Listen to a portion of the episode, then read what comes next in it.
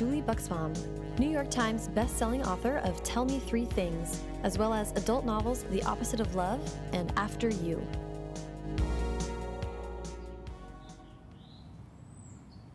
Julie is a super smarty pants lawyer who has lived all over the world and seen a thing or two. But she and her husband found the exact three blocks in Los Angeles that they felt was more home than anywhere. Knowing that, I felt so privileged to get to visit Julie at her adorable house, have coffee, and talk about how writing for kids might be one of the bravest things she's ever done. So bust out the coffee cake and a hand painted mug and enjoy the conversation.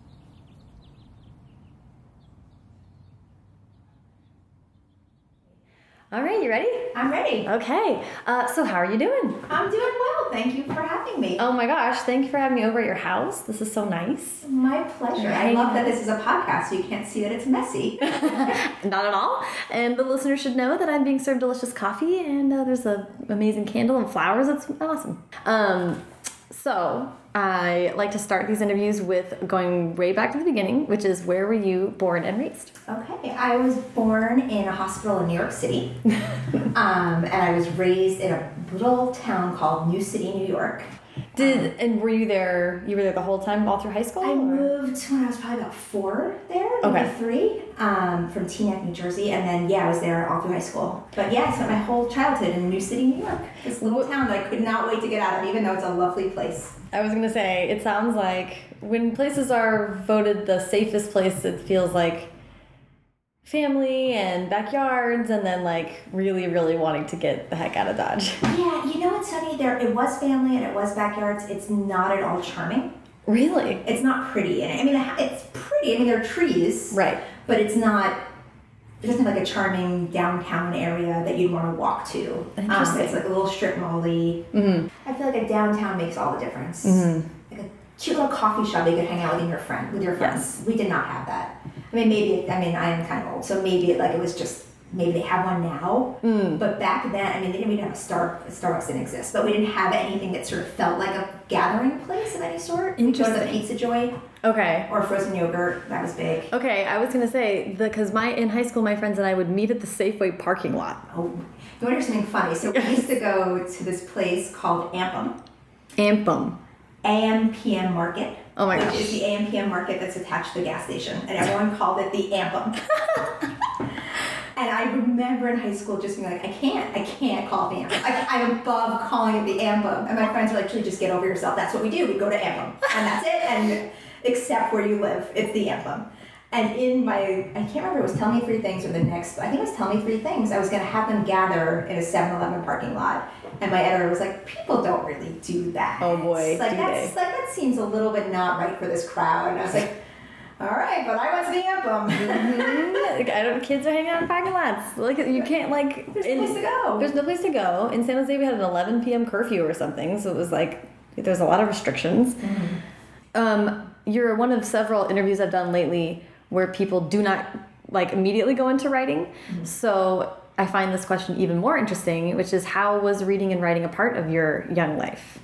So I've always been a reader. Mm -hmm. um, since I was really little. I mean, I spent my entire childhood in a corner of the book. Yeah. Um, I was super shy, and all I wanted to do was read. Mm -hmm. And I, oh, that was a huge part of my identity forever. Um, I did not identify as a writer, though, until I was like 29. Wow. Um, which is weird. I feel like most people who are writers have like were self-identified as a writer from you know five. A lot on. of people, but I always had journals, and mm -hmm. I was used to take notes, and I used to write a lot in my head. Um, so I remember very clearly in high school working on like first sentences in the shower and reworking them and reworking them until they were perfect in my head. Never wrote them down. First sentences for fiction. Fiction, um, sometimes personal essays, but a lot of fiction in my head. But just the first sentence or the first paragraph. Wow. In my head, but never wrote it down, which is super weird. That's so interesting. Almost Yeah. like meditation a little bit. Yeah, it was like a, it was this something I really enjoyed doing was getting it exactly right. I mean, I also did a lot of like rewriting conversations in my head. Mm. Oh so yeah, like yeah, yeah. having a conversation with somebody where I didn't didn't say the clever thing, and then I go back in my head and say the exact the zinger. Right. I was big on zingers in my shower, and I but I didn't write much on paper. And I went to a school which actually had a really like a great writing program where a lot of the kids got published in like newspapers and Wow. magazines and stuff, short stories for teens. Um, but I was always too scared to submit. I never really, Really? did it. And then I went to college and I studied political science, philosophy, and economics. And I went to law school. But while I was in college, my best friend was an English major, and I read a lot of the books on her syllabus Which is hilarious. which is hilarious. And I didn't take. A, I took one English course the entire time that was required. wow. Uh, I took a writing course required, and then I think one English class because I had to fulfill the requirement. But I didn't take the classes. I don't know why. I mean, I love to read. I think I was scared. I, I, I mean, looking back, there must have been some sort of subconscious fear of really like embracing what I loved, but I, I didn't. Yeah. Well, I find it really, really interesting because I didn't do, I did the same thing. I did not like reading, writing poetry, all that stuff. But it was never something I thought about as a, I think for me, I was like, get a real job. Mm-hmm. So then I studied journalism, which is like good, good, good move. like I was still writing, but I was feeling like the urge to be practical. Mm-hmm. And it sounds like you were really focused on getting a vocation. Yeah, I'm, I, I, I am, am still super practical. Like mm-hmm. that's a huge part of who I am is this sort of inherent practicality. And so law school seemed like the perfect place. Like, and I and I really really enjoyed the study of law. My Okay. three years in law school were amazing. I'm a big nerd, um, and so it was really fun to study with some of the greatest legal minds in our country. It was really amazing. Yeah, it was yeah, a really yeah. amazing experience. Um, the practice of law, though, was really, really, really boring and miserable. Um, but I do remember when I was a lawyer being miserable and thinking to myself, if I if I had a calling, if I was good at something, then I would just do it, and I'd be brave enough to do it. But I don't know what that is. Like if I was a musician and I played the piano, then I would go be a pianist. Right. Like I would just do it. I, I was like, I, I have the chutzpah, but there's nothing I really want to do, which was a lie to myself because there was something I wanted to do, but for whatever reason, I just couldn't self-identify. Um, and it took me a really long time. I was a lawyer for four or five years, Wow. um, maybe four years, totally miserable. And then I was like, you know what? What I really want to do is I just want to write a book Yeah. but I never said I want to be a writer. I still, even when I quit to write my first book, I never said I'm doing this to become a writer. I said I'm going to write this first book because it's something I've always wanted to do, mm-hmm. and it's sort of a secret thing. But it was a fantasy, not. I never really thought I'd end up as a writer. I thought I would do it, and then I'd go back and figure out what kind of lawyer I wanted to be. And I started like researching all these other different kinds of law, thinking I would write this book, but then you know pivot back. Right. And about two weeks into writing, I was like, oh, this is how I should spend my. This is it. This is this is this is how it's supposed to feel when you're doing what you want to do. Yeah. And yeah. I loved it. Um, and then the universe aligned in a magical way to allow, allow me to actually do it. That's crazy. Okay, before we jump too far ahead, I kind of want to want to hit a few points in between there. You, you were kind of writing writing in your mind and journal writing, but then going to college and deciding what to study. I mean, So I studied. I ended up doing PPE, philosophy, political science, and economics, which is one major but three different things. Um, partially because you didn't have to really decide. You got to like cover more ground, which I liked. I'm very indecisive, and so Yeah. it seemed like an obvious choice because it picked three things. and where, Um, where were you going to school? I was at the University of Pennsylvania Okay. in Philadelphia, which is an awesome city, Yeah. And Penn was great. I loved it. Yeah, and so I I hated economics, and I think that's one of the reasons why I chose to study it because I found it really hard. Really? Um, it wasn't a natural fit, and I was like, "This is hard. Then let me do this." Like, I'm, I'm gonna I'm gonna conquer it. It's Yeah. was this thing I was afraid of, and felt like if I if I since I was afraid of it and not good at it, it would be a good idea to major in it. Which looking back makes no sense. I, I never said this was gonna make sense, Sarah. No, but this is so. I'm, this is so so interesting to me because you're scared of economics. Not a great. I mean, but you. But I feel like I think what you're saying is probably true. That you're also scared of being a writer, but you were like, uh, it's almost like the writing was so like because it's clearly so special. I think with writing, I was scared to be bad at it. Oh. Economics, I knew I was bad at it. I was totally fine with it, and I wanted to just be good at it. I wanted to be like, well, I can still get an A even though I suck at it. Yeah. I Yeah. Mm-hmm. wanted to prove something to myself. Writing, though, if I was bad at it, that would have been heartbreaking to me. And I think that's why I didn't do it because I didn't want to get. A, I didn't want the universe to tell me that I wasn't good. Mm-hmm. I'm sort of a perfectionist in some ways when it comes to like my work and stuff, and so that would have been really hard for me at the time. Yeah. Now I can take the criticism, but back then I didn't have the self esteem to know that like, well, even if someone tells you this isn't good, doesn't mean you're not a writer. Well, and the inevitable thing about writing, unlike econ, is that in writing, someone is going to tell you that you're bad at it. Yeah, That's it the ha- nature of it. Yeah, it has to happen. You can't please everyone all the time. and Right. You actually don't want to.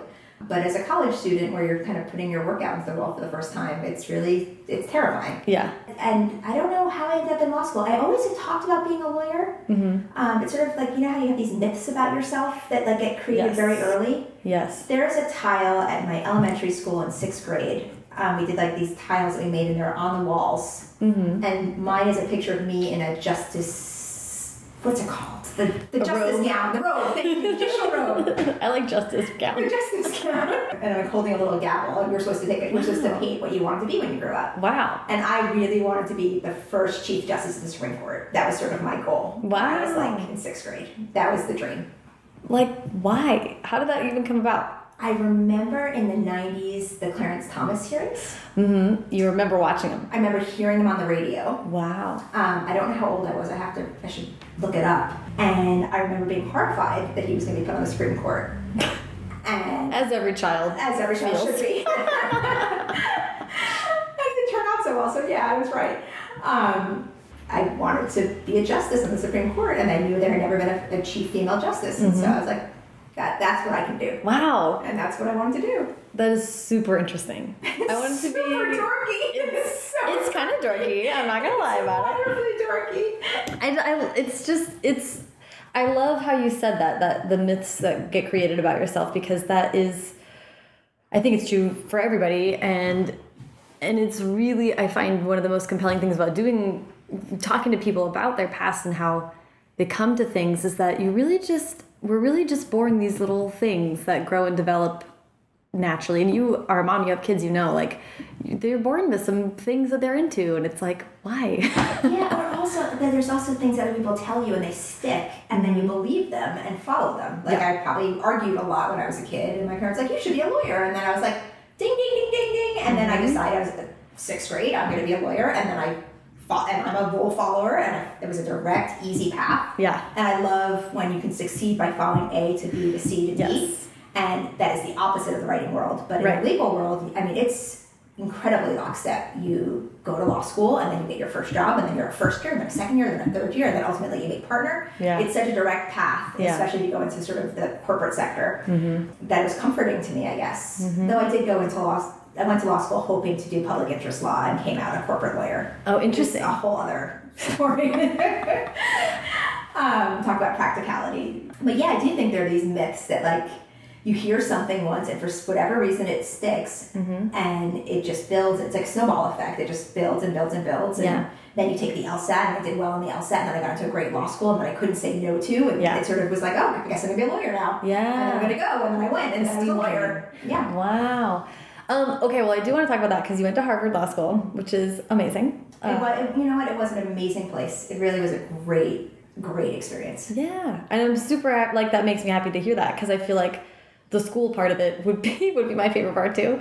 Um, so, what kind of law were like? What kind of classes were fascinating to you? What were you? Would you love study? Ah, I loved it all. I really did. I really, really loved it in a way I did not anticipate loving it. It just was so hard, and in a good way. Like it was so intellectually stimulating and challenging, and I felt so in over my head. Mm-hmm. And I think everyone starts Harvard that first day thinking they don't deserve to be there, mm-hmm. and then as time goes on, you're like, oh, but I'm okay. I'm, Yeah. I'm staying afloat, and there's a wonderful feeling Yeah. you know, attached to that. Yeah, so I loved it. I absolutely loved it. My favorite class was constitutional law. I took it with Tribe, who is just a giant in you know the legal world, and he's brilliant and wonderful and as amazing as you would imagine. That's so, that was great. cool. Um, one thing I really did enjoy about being a lawyer is coming up with the arguments and trying to see it from a different perspective and sort of unlocking, you know, when two people are fighting. Because that's a very like empathetic way of thinking about an argument. Yeah, I mean, it was it was sort of fun to come up with interesting ways to tackle a legal issue. That Yeah. that was sort of fun. But in reality, you had to match the law to your argument, right? And so Right. even if you came up with this amazing argument, if there was no law to support you, then you know you were shit. You're sunk. Yeah. So it wasn't. Um, it was such a small portion of what I did. Mm-hmm. Mostly, what I did was you know procedural crap to block someone from from going forward. Everything was stalling, which Mm-hmm. was really boring and annoying. and going through boxes and boxes of documents. Yeah. Like Re- reading. hundreds- reading in other ways. hundreds of really boring documents. Um, I didn't. I mean, I didn't stay long enough to get far enough in my career for it to get interesting. Well, and and the other thing that strikes me about kind of how you're talking about the law school experience is that it seems like maybe as a young adult you were really looking to I don't want to call it self-esteem, but building up this sense that you could achieve something or like reassuring yourself that you had the capacity to do these scary big things. I still have that problem. yeah, I, I'm definitely one of the people who needs outside validation Yeah. to feel good about what I'm doing. Yeah. um, which is really hard when you're a writer. Um, it's sort of this. It's kind of like in free fall. It does. You don't really. There aren't that many times people tap you on the back and say you're doing a good job at this. Right. Right. Um, Sometimes even editors won't say that. yeah. Oh yeah. No, they don't. when they buy when they buy your book and then yeah, shred there- it. yeah. there- there's- It's very rare where you really get a moment of just pure victory. Mm-hmm. Um, and when you're in the legal world or when you're in law school, it's like just even getting in was a victory. Getting your, you have all these different, val- there's constant validation, your grades or whatever it is. Mm-hmm. And so, yes, I'm someone who definitely seeks that. Yeah. Um, I'm trying so hard to outgrow it. I really am, because it's not a healthy way to live. You Right. need to have self. I mean, it, you, that should come from within, not from without. Mm-hmm. Um, but yeah, that's. I mean, you nailed me on the head very quickly. Well, it's hard. It's hard because I because I relate to it. Gold stars are like my favorite thing, but it's just knowing that about yourself doesn't mean that that impulse stops. Yeah, no, and So it, it's hard. and it, you don't. We don't need permission from other people to do the things we want to do, and yet I do. Right. I, I sometimes feel like I seek permission to even continue having this career, even though I've had this career for ten years. Right. I still have these moments of like, should I keep doing this? Is this the right choice for me? Because no one is, you know, saying you have to. There's no, there's not a constant gold star, and that's really hard. it's a very nebulous space, and that's difficult to be in all the time. Um, you you leave school. I can imagine that would be really really upsetting to leave an environment that you ended up liking so much more than you even thought you would, and then go into that profession and then be really disappointed by it. I set myself up. I'll be honest. Um, I loved law school, but then I went and did something I hadn't. I went and took a job for money and went ah. straight into the corporate world when mm-hmm. I had all when I'd said from day one that I wanted to be a public interest lawyer mm-hmm. and I was going to follow my heart and be passionate. And then they dangled a big salary in front of me, and I took it. Um, so I completely and totally set myself up, and I could have had a completely different life. I might have been really happy Right. actually had I gone into public. I may never even become a writer had I gone and been a public interest lawyer and felt fulfilled by the work I was doing. Um, because my biggest problem being a corporate lawyer was I felt like not only was I not making the world a better place, and in some cases making the world a worse place, there was nothing satisfying about it. I felt completely and totally unfulfilled. Yeah. Um, I was bored out of my mind. And I didn't, I didn't feel like I was exercising any important skill. There was nothing. Was, I wasn't bettering myself. I wasn't bettering the world. I was. It was just, you know, a Yeah. wash. I mean, everyone goes through this. I think in their twenties, there's a like reality s settling in is very difficult for anyone, regardless of, of career or, or circumstance. But um, but that's a really tough one to be so intellectually stimulated and excited, and then like a ninety degree turn to like this is not right, and and a panic. Like, what do you do when you're just not happy? I mean, I'm eternally fascinated by the question of like your adult expectations hitting up against reality in Yeah. adult life because we all have these fantasies of what it means to be an adult, mm-hmm. some good and some bad. Mm-hmm. Um, and then when you get there and you arrive and it's nothing like you anticipated, how do you reconcile that? Mm-hmm. How do you do all the things that seem terrifying and sort of not so pleasant? Yeah. Um, because you have to, you have to pay your bills and pay the rent and you know live a stable existence. Right. You don't have to, but that I was sort of brought up to believe that's what I wanted. yeah. and so, um, yeah, there's something really disconcerting when you find out what the price to be paid for all that. Yeah. Um, uh, so I'd love you to just kind of talk about like how you dealt with that and how writing like came out of that. Yeah, I so my first book is actually a lot about that. It's a coming of age story about a girl who's in her late twenties who's a lawyer and is miserable. I mean, it's about more than that, but um, under underneath it all, she's at a large law firm, very much like the one I was at, and Yeah. she's she's very unhappy. Um, so I sort of wrote my way out of it. But Mhm. yeah, so I, I mean, I was miserable as a lawyer, and I really I thought about like what it is I want to do, and I really wanted to write a book. Mhm. So it's sort of something I've always talked about doing before I died was to write one book. So you did have that in your head. I like guess I did when I told everyone I was quitting to write a book. Most people, after saying you're out of your fucking mind, yeah. said, "Well, you always talked about it, so I guess it makes sense." And I was like, really? I, I didn't know I had always talked about it, but I guess I had. Um, Interesting. The myths that you don't know you're creating about yourself. Yeah, exactly, exactly, exactly. I was really lucky in the sense that it was in a time in my life where I could do it. Mm-hmm. I didn't have any commitments. I didn't have a mortgage or kids.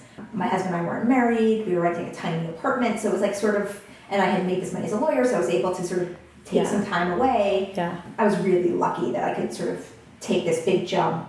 Um, you know, people always ask me, should I quit my job and write my first book? And I'm always like, just because I mean, it worked out beautifully for me. And it was I was so so wonderfully lucky. I can never, in good conscience, tell anyone else to do it. Right. It was the stupidest decision I ever made. It turned out to be the best decision I ever made in my life, but it was also by far the stupidest. And it was part of a New Year's resolution. It's the only New Year's resolution I've ever kept in my entire life. Every year, Not the only one. you've made, but the only Yeah, oh one my you've gosh, kept. no, I make one every year. Never keep it. That's the one I kept. And I quit my job on like January 1st or January 2nd. Wow. And started working like the next day or whatever I got off from work. I think it was like maybe two days later. Yeah. Wow. And I started writing as part of it. That was completely and totally like keeping a New Year's resolution. And I did it. Was the resolution to finish a book, or was it just to start writing, or? It was to quit my job and write my first book. Wow. And then figure out my life. That was sort of like the One, two, three. quit job, write book, figure out. I'm, and you know what? I bet I have a list somewhere written down, somewhere still, that says those three things. That's That's- exactly it. I had like a to-do list for the Oh year, and that was it. That's amazing. And I followed it. I did. I did. That's crazy. So rare that I actually do it, but I did that one time. the compulsion then to quit and give yourself time to write predated an idea of what to write, or So during the fall, so I quit on January 1st. So during that fall, I took a story workshop for a weekend at UCLA Extension. Um, were you living in LA? I was living in LA at the time, and I um, sort of created a character in my head then. But I didn't know where the story was going to go. I didn't know anything other than this one character. And then when I quit, then I started like really developing her and creating an arc and you know Yeah. writing a book for real. Okay. Um, but I guess the seeds were planted maybe a few months before I quit. So you were, I mean, this is like, I'm only harping on it because I think it's so funny that you were taking classes, creative writing classes in your free time. I mean, by that point, did you know that you were gearing up to? So I took it was only it was like a two day workshop. Right. Um, I don't I have no idea where the impulse came to sign up for that story workshop. I guess I knew. I guess there was part of me that was gearing up, but there was probably Yeah. like a six month period of time. I just really love stories like this because because we can just be so blind to ourselves, and I like hearing them here where, where it like ended up working out um, the best possible way. But there's so many like times that I talk to people and they're like, well, I mean, I didn't know I wanted to do this, but. I mean, I had just helped my friend write a 500 page book the last seven years. And it's like, wait, what are you talking about? Like, you were doing it the whole time. And, but we just don't mm-hmm. piece to the, the puzzles together, like, in real time, it seems like. It's weird. I mean, even looking back, applying to law school, I spent so much time on my essay. So much more time on my essay than any other part of the application, anything else. the essay was what was important to me. Interesting.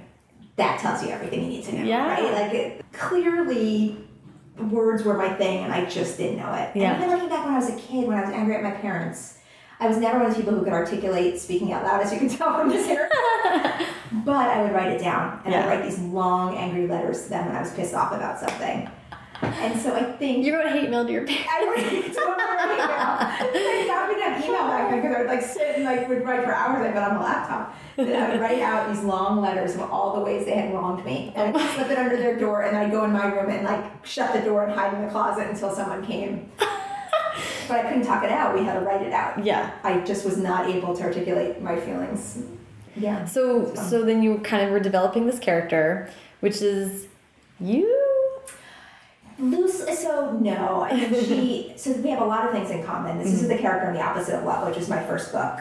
We have a lot of things in common. We both lost our moms young. We both worked in corporate law. That's about it. She mm-hmm. was. I mean, and those I guess are big important things. I, I'm not diminishing those things, and my, I definitely use my own experiences to inform those things. Mm-hmm. But sh I, she's much crazier than I am. Much, much, much more. Um, what's the word? Not unadjusted. Badly adjusted. What misadjusted? What's the Maladjusted? maladjusted thank you maladjusted um yeah just a little crazier wackier than i am Yeah. I do want to want to talk talk about. I haven't read the the adult books, so but I've read about them and reviews of them, and it seems to me like very, very, very explicitly talking a lot about mother and daughter issues. So was that, did that, I'm wondering if that came first. You lost your mom young, but were you thinking that you wanted to deal with that in books or did it just like happen? It just happened. So it's it's funny how with writing, like years later, you look back and you're like, oh, that's what's going on in my head. Mm.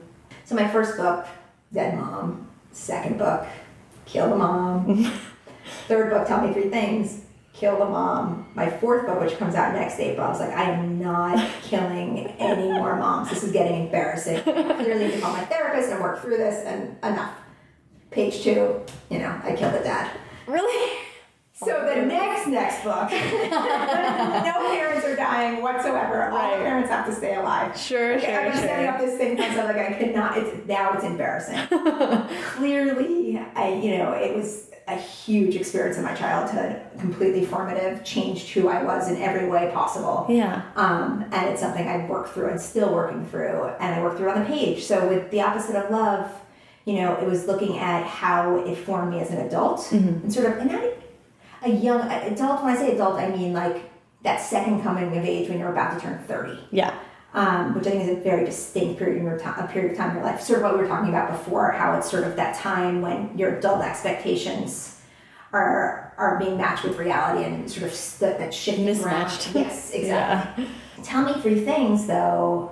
I wrote Tell Me Three Things. I think 24 years after my mom died, which is a long time. And it took me that long to feel comfortable to go back and actually look at it what it was like when I was 16, which Really? is very different than the experience of being 29 and dealing with a mother loss at the age of 14 Yeah. versus being 16 and thinking back to a mother loss at 14. Because that's when it's like, you know, you're in it. That's the fog of grief. Um, and those are really horrible, horrible years for me. And so to go back and kind of unpack those um, took me a really long time to have the courage. So, yes, I've written a ton about grief. I've written a lot of personal essays about grief because I just feel like I have a lot to say. Um, but Tell Me Three Things was the first time I felt comfortable going back and being a teenager and like stepping into that mind again. Yeah. Um, yeah, I didn't feel ready to do it until now. Um, the funny thing about the book is it's actually a really happy book. It's not a sad book.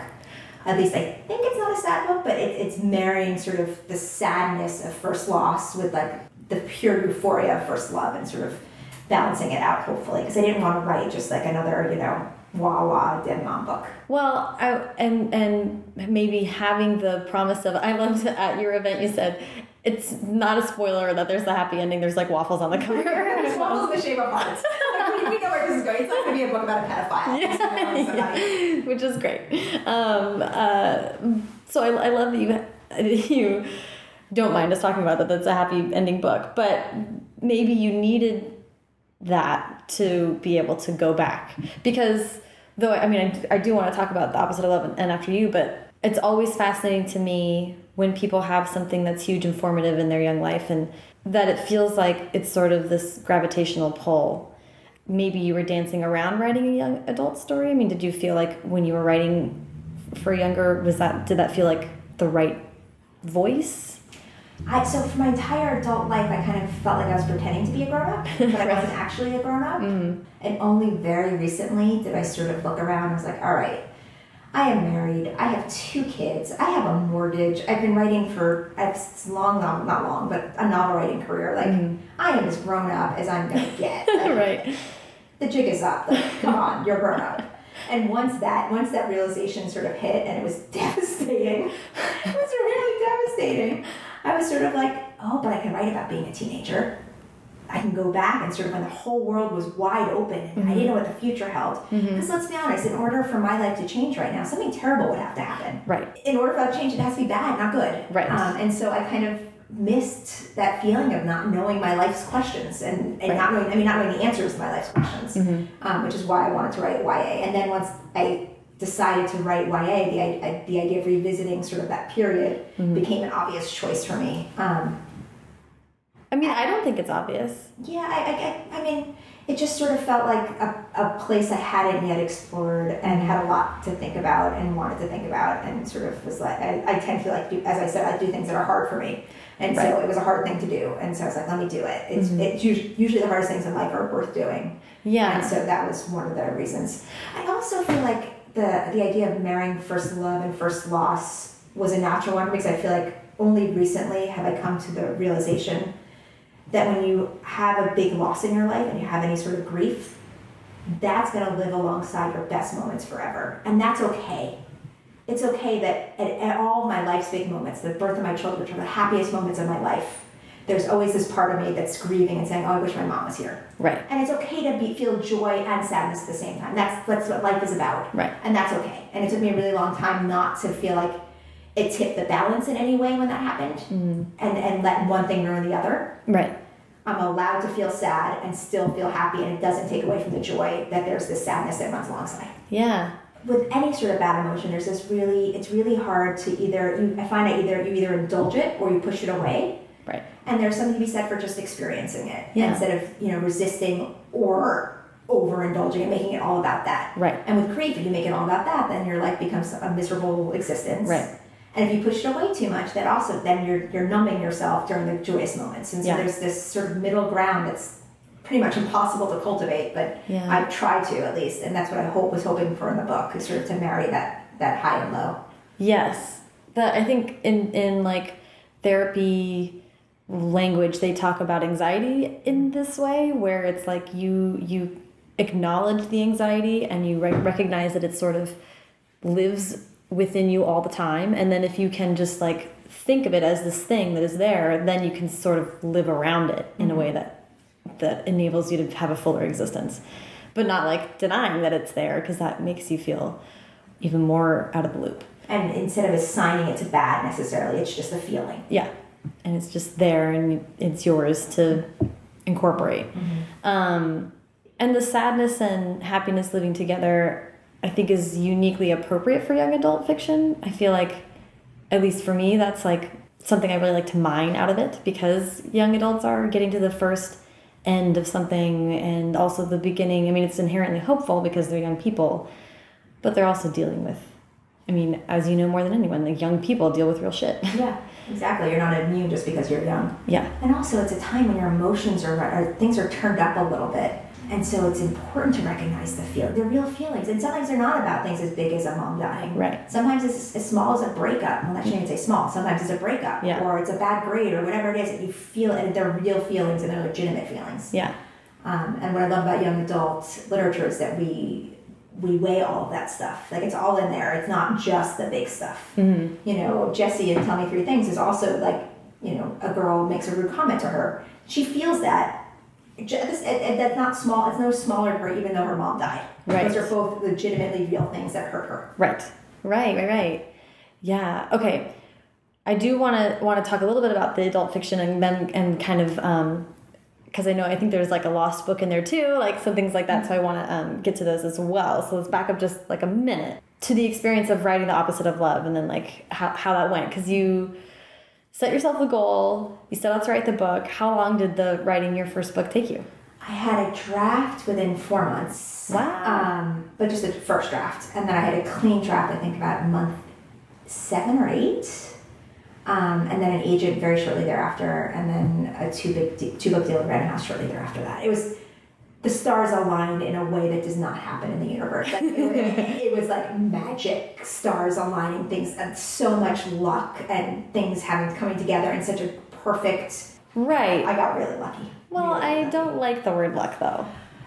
I'm super proud of the book. I love the book. Um, but there are plenty of beautiful books that just don't land in exactly the right hands at the right time. Right. And my book landed in exactly the right hands at the right time and got handed off to the right people too. So like I found the perfect agent who found the perfect editor for the book, who really understood what I was trying to do, um, who had also lost her mom young, totally got the book 100%. percent And so, and was also just a wonderful, amazing editor in person. And so I just got handed into the right, like past the right hands every way you could possibly imagine. Um, it was Which is amazing. Yeah, I like that. yeah, really lucky, really amazing, and it Well, you the worked really hard a for it. Yeah, I worked. Yeah, absolutely. Um, I mean, you need to have the book, right? Like Right. It, it would have happened if I didn't have the book. Yeah. But I do feel like the universe, you know, came together in a wonderful way. like, like in such a wonderful way that like that I use up all my luck in one year. well,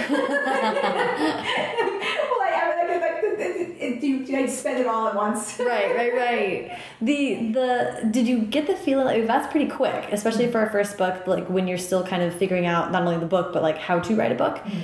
Do you feel like there was some element of like it was all pent up and just waiting to kind of like starburst? Maybe. I mean, writing that first book was the easiest book I've written. I mean, first of all, there's enthusiasm and excitement not to be in a law firm. So there's yeah. a, that was a huge motivation. I also was so much more focused. I did mm-hmm. not have two children. So I was sitting down every day, yeah. eight hours a day, and writing for most of that time. Yeah. Now the thought of writing eight hours a day is, that never happens. yeah. And I just can't even imagine. I don't even have that focus anymore. And so, yeah, it, it, it spilled out of me in a way that has not happened since. Mm-hmm. Though, tell me three things came pretty fast too it's, it was interesting. It, it, happened really fast, and then now I've had a long time since, mm-hmm. and now it feels earned.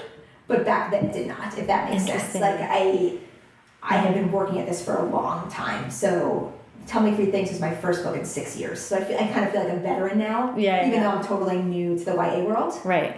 But it sort of came really fast in the beginning, and then it slowed down, and now it's sort of you know sort of this long ebbs it's ebbs and flows. Well yeah and and shifting and changing what you even want to do or super interesting. So so you had the first book and then it sold into a big deal. Mm -hmm. and i can imagine the first book felt really special too because it was not not you but it, there was a lot of you in there. Mm -hmm. did you have an idea for the second book already? How did um... no so i i was a two book deal with a blind second book. Okay. Um and then I spent a good year, I think, coming up with ideas. It took a really long time to come up with an idea that my editor and I were both happy with and mm-hmm. I was mm-hmm. going to write. And then I wrote that second book, which was After You. Mm-hmm. And then after that, I signed another contract with Random House for the third adult book. And that is the book that broke me. yeah, and sadly, I want to hear all about it. yeah, of course you do. It's such a, it's a great, happy story.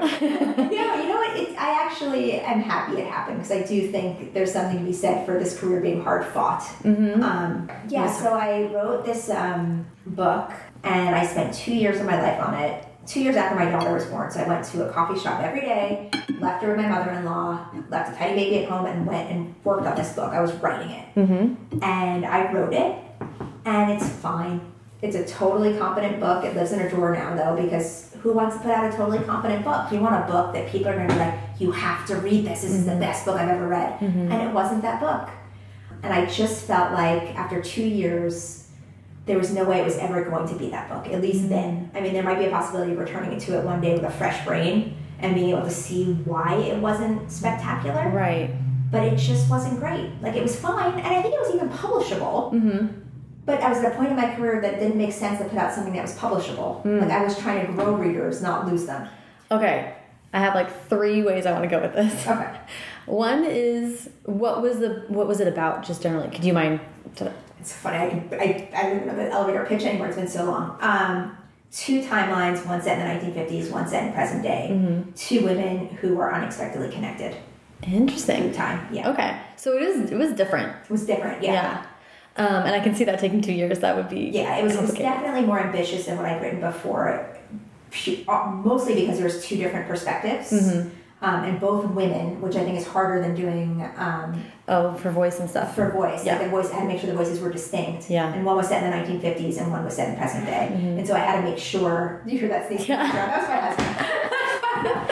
I had to make sure um, that the voices were distinct and they were clear to the time period and the historical element was challenging. Um, but I don't think that's where I went wrong, actually like I think the tech it was more technically challenging, but that's yeah. not why the book didn't work. The book mm-hmm. didn't work because it just didn't sync. Well, I would. I hope you don't mind. I would love to just like hear you talk about why you think that is. I think it's a like what is it about some books have magic and some don't. I don't know. You know, I was talking to a friend about this. I just had lunch with a friend who's a writer and I was saying, I want to give the advice write the book that you've always wanted to write from your heart, and that's the book that's going to make your career. Right. But that was the book that was the book from my heart that I felt I had to write. Mm-hmm. Um, and it just didn't work. Um, I thought I had something to say. Mm-hmm. And for whatever reason, and I, I think looking back, actually, the reason my agent died um, while I was writing that book. And so if you ask my husband, he will say that it's because I didn't really have sort of agent oversight during that period of time. Mm-hmm. I don't agree. That's his his version. I think my version is I wrote it the two years after my daughter was born. And those were the adjustment to motherhood was a really tough one for me. I was living in London. Mm-hmm. It was dark and rainy. Um, I was away from family. I definitely had some postpartum depression issues. And I think those two years were just tough years. And I think I write better when I'm happy. And that book was written when I was sad. Wow. And I think it might be as simple as that. Yeah. Like it just doesn't have the magic of happiness in it. There- There's no joy in the pages. Okay, first of all, whoa, your agent died. Yeah. Oh my god. Yeah. Hang on, we'll come back to that. um, because that's It's fun to let crazy. you know, like agent died. Agent died. Bullet point. Um, uh, I think that's really interesting to think about. Like that that book then just sort of became the project that got you out of the house Yep. instead of being something that you were furiously like drawn to in Yeah. that other way. There, it just wasn't written in joy. I mean, it was. I enjoyed the act of writing it, Mm-hmm. um, and I enjoyed the escape of writing. And I need to write to be happy. I'm miserable when I'm not writing, so Right. I needed to do it. Um, but it felt very conflicted. I felt guilty going, which is crazy looking back. I mean, I had this sort of new mom guilt that I is just deeply ingrained in my subconscious, and I wish I didn't have it because I don't believe in it. Well, Just what, how you believe and how you act are totally different things, Totally, right? totally. Um, Yeah. I wonder if I went back to it now happy, if I could, I can infuse that joy into the characters because I feel like that's what I do best. right. And may and maybe there'll be there's a chance for it. Maybe it's not as maybe it won't forever live in a drawer. But I, I did put it in a drawer. It was it was an incredibly painful decision. Yeah. Incredibly, because it was a choice. It was sort of like either I can keep editing this and get it to a point where I want to publish it, Yeah. or I put this away and just say I'm sorry. This is Yeah. not this is not the book. First of all, I don't want to be insensitive to this. I'm really sorry that your agent died because it sounds like like she or She, yeah. she was amazing for you. She was amazing. She was an amazing person, an amazing agent, just the best, the best. yeah. She had her name was Elaine Koster, and she had this tiny little agency called the Elaine Koster Literary Agency Mm-hmm. that had these enormous books. She represented Khaled Hosseini from the Kite Runner. Wow. And she was just known to discover. Sorry, that's my alarm. that's the door alarm announcing that the door is being opened. Um, yeah, so she was just this powerhouse. Had this tiny literary agency that was a powerhouse in New York. She was amazing in every way, and she's a wonderful, wonderful person. Yeah. Um, and she died of metastatic breast cancer. Whoa. Okay. So it was like unexpected, or I mean, it was like Actually, she it was, was younger. So she was in her 60s, so she was young, but she was sick for a very long time, but didn't tell anybody except for her immediate family. No one knew in the industry. Whoa. And so she kept it a secret forever, for years. And when she died, it was completely and totally unexpected to all of us. Whoa. And so it was incredibly heartbreaking. Incredibly. Yeah. I mean, it would have been incredibly heartbreaking anyway, but it was it was a huge shock. That is, it's profound to have someone die in your life in any way, but that was someone who was guiding you and like a mentor type of figure. There's no doubt I owe my entire career to Elaine. My entire career. The fact that I am a writer right now is 100% because of Elaine, because she found my first book and championed it in a way that I never dreamed possible. 100% of my entire career. On top of that, I loved her as a person. But yeah, she was absolutely wonderful, and I feel so lucky that I got to work with her. But how did that? And and I really I hope this you don't have to answer it if you if you don't want to, but I do think it's something that's like helpful for people who are professionals. Like, how do you deal with that when something like that happens? Like functionally for your career, how did you move on from that? I didn't for a while. I just put my head back down and just kept writing. Um, writing a book that went nowhere, basically. Um, and and you know what? It's interesting. Um, I said I wrote this book in a place where I wasn't happy, and that was probably a huge part of it. I, I for some reason I divorced my I divorced that in my head, but it's actually a huge huge part of it. Well, I, and it's funny, your husband looking at it from the point of view of thinking that you didn't have agent oversight over it. Well, but you didn't have like agent like love for it. Yes, love for it, and also just being grieving her as well. I mean, I was Absolutely. really heartbroken about her death. Absolutely. um, unrelated to my career, uh, just Right. on a personal level. So yeah, so I guess it's not even. It wasn't the agent oversight is is such a small part of it. It was more about having her in my life and knowing that she was, yeah, just having her. Yeah, so yeah, I guess it was a really just a tough time all around. yeah. So a really shitty time. I mean, and, and, and I don't want to harp on this, on this terrible time too much, but I do think it's um, like really inspiring given what that you were able to come out of it and everything. And and and one thing that I really do want to talk about with that time is what you're saying about making a choice, like a career choice, because I don't know, I, I like talking to women who are willing and eager to take this on as like a business and think about their writing as a career and make choices like that because it's so tempting to talk about it in touchy feely ways. And a lot of times that means we set ourselves up to be taken advantage of or we don't assert control in ways that we can and should. There's, I mean, especially as a mom, there's a huge, first of all, the outside world sometimes looks at it as a hobby as opposed to a career. Right. Um, which is really tough. And also, you have to really guard your time as a writer and that's a tough thing to do for something that other people consider a hobby. Um, I have chosen to 100% commit to my career. It's my full time job. Mm-hmm. I have childcare to make sure I can write. Um, and it's a huge financial commitment to do it that way. Mm-hmm. Um, but it's an investment that's necessary for me for my career. Yeah. And I look at it as it's 100% a business expense mm-hmm. when I have sit or pick up my kids from school for day. sure. Like it's, I 100% agree with you about sort of committing to it and making sure you treat it like a career. Yeah. Um, it's definitely a privilege to be able to treat it as a career. I mean, I think I'm incredibly lucky that I don't have to have another full time job. Right. And I recognize that every day and appreciate that every day. Um, and you also worked your butt off and now yes. are in the position where you can say, I want to position myself. I mean, that's that's kind of what I'm thinking is that you're able to sort of pivot and think like when you're talking about tell me three things that was a choice to like move into a young adult market and do a different thing. I mean i'd love to hear how you kind of thought about that. Yeah i wish i could say it was a business choice. Like i wish i was like i wish i thought like i had the foresight to be like okay well let me do young adult because it's a burgeoning market. No, it, not, not that that's true. I wish it were true because that me feel like made me feel really good about what i do um, it was 100% i could i put that book in a drawer and i was broken mm-hmm. Um, I did a little television writing in the middle to okay. sort of like as a palate cleanser. Mm-hmm. Um, and I had this idea for a YA novel, and I felt like I could do it, and I didn't feel like I could sit down and write another adult novel. Oh, interesting. And also, I was fascinated by the idea, as we said before, about going back and sort of exploring this time that felt joyous again. Yeah. I mean, also horrible, but joyous. Right, um, right. And the act of writing felt joyous and, and, that was the important. That's what made brought me to YA. Is that I, I was excited to write the book. It's right. passion, right? Right. Um, which is such a weird thing alongside business, but it is. And I wish I could make decisions about what I write for business reasons, mm-hmm.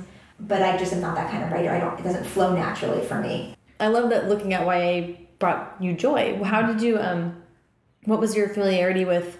YA when you were looking at that? Well, I'd read it. I mean, I've, I've been a YA reader forever. Oh, okay. Well, not forever because it's sort of a semi-new genre, but mm-hmm. since it sort of has taken resurrected or taken off, I've been a huge YA, right, YA reader, um, and I loved it and I enjoyed reading it. Yeah. Um, I think it, in some ways, voice is so is so. I mean, voice is really important in the adult world too, but some of the YA literature has such wonderful, distinct voice, mm-hmm. and I love that, and that's what I like to do, mm-hmm. and so that's one of the other things that attracted me. But really, it's the writing about 16 year olds was what I mean, writing about those years, which are so complex mm-hmm. and so interesting, and not knowing where you're going to go, especially coming from this place of feeling ridiculously settled. And right. I moved around a ton, and so this is the first time I'm like actually settled someplace. Mm-hmm. It gives me the adventure that I don't get to have otherwise. Yeah, that's huge. The it's adventure fun. in the sense that like anything could happen, and the and first firsts are so magical, right? Like that yeah. first kiss Mm-hmm. I love writing about first kisses. Mm-hmm. Like that, that moment. I don't get to have first kisses anymore. right, right, right. I first kisses. I really do. Yeah. I, you know, and so it's, it's just so fun to write about that. I mean, I'm also a huge romantic comedy person. I love, mm-hmm. I mean, I'm, I'm a huge romantic, so I love all those magical moments, and I feel like YA is particularly rife with them. How did okay? So you you were thinking about that time, that age. Um, what was what were the other germs that brought the idea together? How did it kind of develop? So I definitely wanted to write about a girl who lost her mother relatively recently. I also wanted to write about first love. So in Tell Me Three Things, she it's about a girl who recently lost her mom. Her dad very quickly remarries a woman met on the internet, moves them to California, and she starts at this super fancy pants private school um, and she's in way over her head. And on her first day, she receives this anonymous email from someone who calls himself somebody, nobody, mm-hmm. offering to help her navigate her new school. Um, I say that all by way of background because I once received an anonymous email, and that's what inspired the book. Sort of, it was this weird, totally weird, magical thing that happened. Again, another magical thing that happened to me. And when something that weird or magical happens in real life, you have to borrow it for your. I mean, Completely. not. Completely. hand- the universe handed me a plot. it never happens, right? Yeah. And so I had to take the plot that the universe handed to me, and it was the it was such a happy thing. And so to sort of marry this really sad thing with this really remarkably happy thing was sort of a natural fit for the Yeah. and that's and that's where it came from. Well, tell me about this email. So I had graduated from law school and I was working at this law firm and I was miserable. Um, and I was feeling horrible about myself. And I like gained weight and I was feeling gross and tired and just like sort of at a low self esteem wise.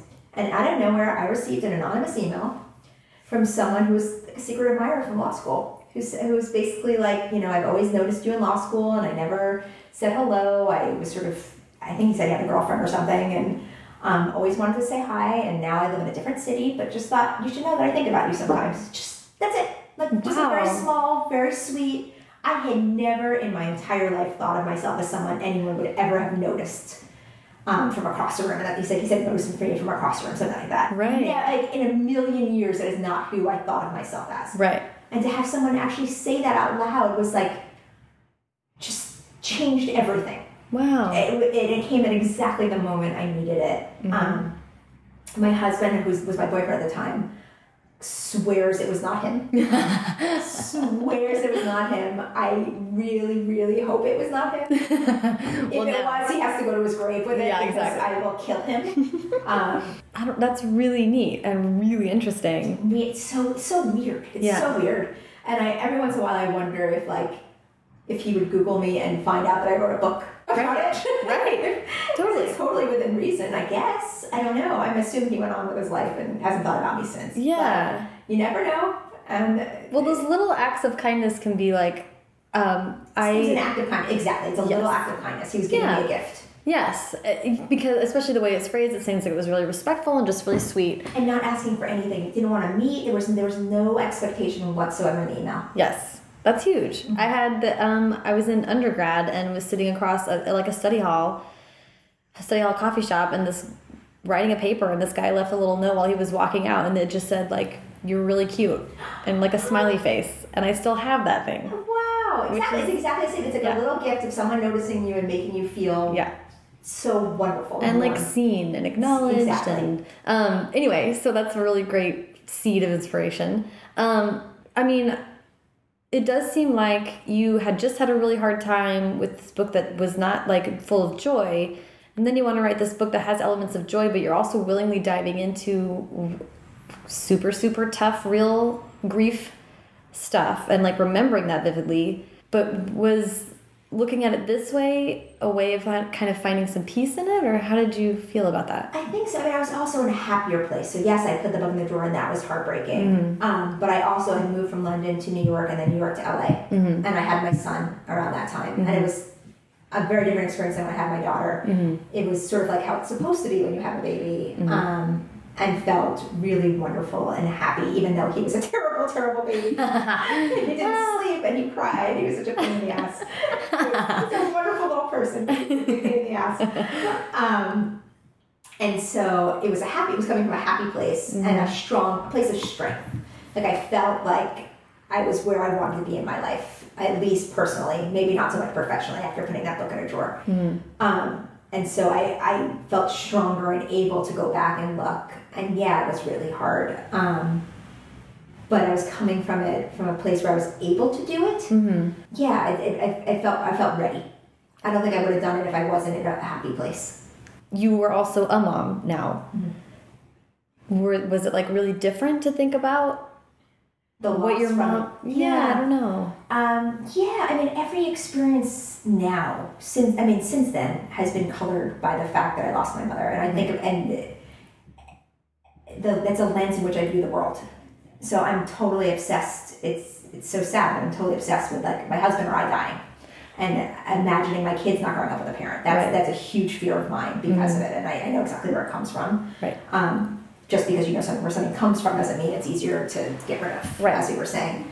Now, as a mom, I think about what that must have meant to her letting go of me. mm-hmm. I never thought about it from that perspective. I always thought of me letting go of her. Mm-hmm. Um, so that changed all of the stuff. I mean, it's a new thing for her to miss. Mm-hmm. Like my kids don't have a grandmother on that side, and that's really heartbreaking to me. Yeah. Um, and that was something I needed to process. Mm-hmm. Um, and I do, I do I have processed a lot of it through writing. So I do I've written a lot of not a lot, but a few personal essays about grief and mother loss because I feel like writing is the way the way it's same as when I was five years old, Yeah. ten years old, right? Yeah. I was my parents when I was angry. Mhm. It's the way I process. And so when I'm trying to understand feelings about something, I will Mhm. sit down and write an essay about it. There were years there that needed sifting through, and I Yeah. finally was in a strong enough place that I could do it. It's amazing it took so long, but you know that's how grief works. That's incredible. I mean, it really kind of speaks to the fact that this book does have the magic, you know, that you, that it was like the right time and mm-hmm. being able to approach it from this place of like a more peaceful mind and then getting to have kissing and stuff. Yeah, like that's really great. Did you know so you did know that you wanted to write like kind of a love story, like a mm-hmm. kissy love story. I love swoons. I love I really love. I, I just I love happy endings. I lo- I love first kisses, first love, all that stuff.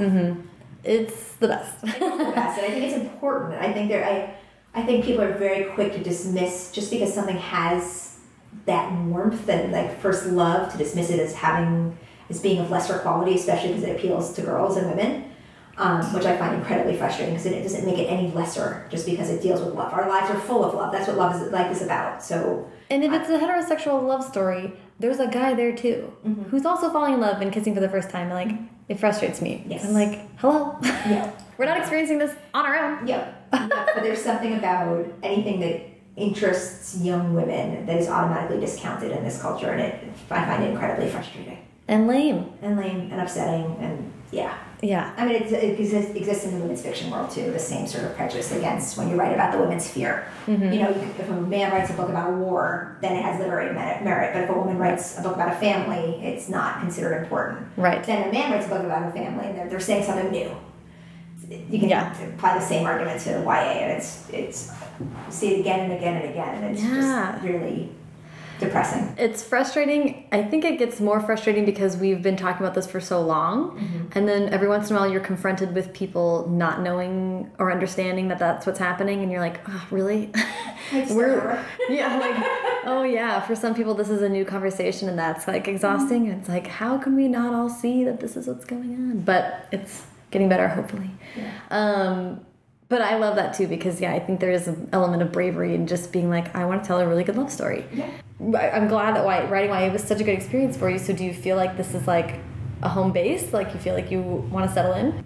Yeah, so I have a YA coming out next spring 2017, Mm-hmm. um, which was actually a real joy to write. Maybe my favorite book I've written, Ooh. which you would think it would make me excited about it coming out. It makes me terrified. Uh-oh. It's like I, I don't want to expose it to the big bad mean world. It's true. Or these these precious months where it's like Yeah, like it's it- still exciting but not yeah. out. no one, no one can tell me it sucks yet, because I really love it. Um, yeah, and I, I'm working on the next idea right now for the third That's amazing. And I really, yeah, it, it, it just, it's what I want to write. Mm -hmm.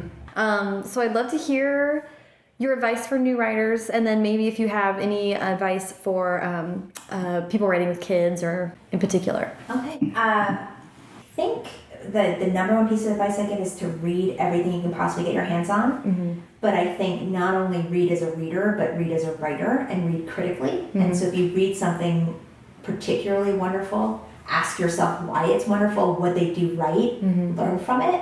Um, yes, it sometimes robs you of some of the pleasure of reading and makes reading work. But if you want to be a writer, reading is work. Um, and so I think that's a huge, huge part of it. I think self identifying as a writer is a huge thing. Obviously, it's taken Yeah. a really long time to do it. Um, but once that flip was switched, it made a huge difference in giving myself permission to write. Wow. Um, so I think giving yourself permission to be a writer is really important. Yeah. Um, and then I, alongside of giving yourself permission is sitting your ass in the chair and writing. There's so many people who have the flip side problem of identifying as a writer but not actually writing. And I think it's really important to just sit down and write and be bad at it. That's okay, but you have to keep writing. You're not going to be a writer until you write. Yeah. Um, so that's the writing with kids. Um, Lauren Groff gave this amazing answer in the New Yorker online about how she's always asked about like balancing work and motherhood and how sort of the question itself um, expects sort of women to talk about how hard it is and how um, to go through the sort of dance of like the balance is so difficult and woe is me and how it shouldn't be that way. Yes, being a parent is hard, but you know that's just life and it should. Her answer is brilliant. I'll link to it. And I wish I could just give you her answer. the truth is, as much as I believe that, day to day, I do get mixed up in the minutia of being a mom and the writing life, and I haven't quite figured out how to do it and make it seamless. It doesn't feel as easy as I would like it to be, Mm-hmm. and as I believe it should be. Um, but one bleeds into the other. I, I think balance is one of those like illusory things. that doesn't really exist, and it's not real. And some days I'm a much better mother than I am other days, and some days I'm a better writer than I am other days. Mm-hmm. Um, but at the end of the day, my kids are loved and they're fine, and I have to remember that. Yeah. And my work is important too, and sort Yeah. of carve out both, and and feel and feel confident about decisions to carve out both, and make and making work a priority is not something I need to be apologetic about, but it's obviously easier said than done. Dude, thank you so much for taking the time to do this. Thank you, thank is you for best. having me. This was so fun. Yay! Thank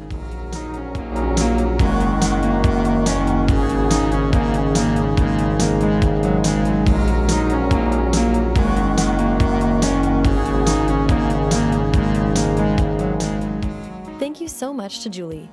Follow her on Twitter at Julie Bux, that's J U L I E B U X, and follow the show at First Draft Pod and me at Sarah Enni. You can also find the show on Facebook, and on Instagram, you can get a sneak peek at future guests.